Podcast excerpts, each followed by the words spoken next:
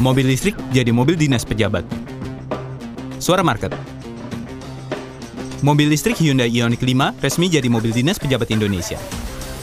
Sayang, sementara ini mobil listrik andalan Hyundai itu cuma berlaku bagi pejabat yang berdinas di Kedutaan Besar Republik Indonesia di Seoul, Korea Selatan. Ini tetap berita bagus. Maksudnya, Kedutaan Besar Indonesia di negeri gingseng itu menjadi perwakilan tetap pertama Republik Indonesia di dunia yang menggunakan mobil listrik sebagai kendaraan dinasnya.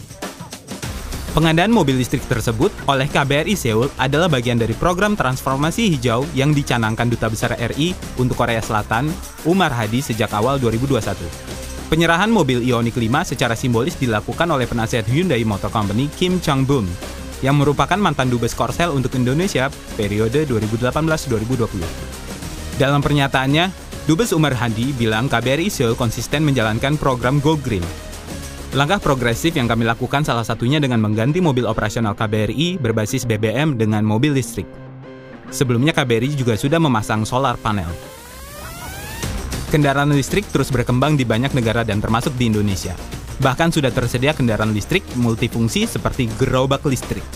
Simak detailnya di channel YouTube Cowboy Show.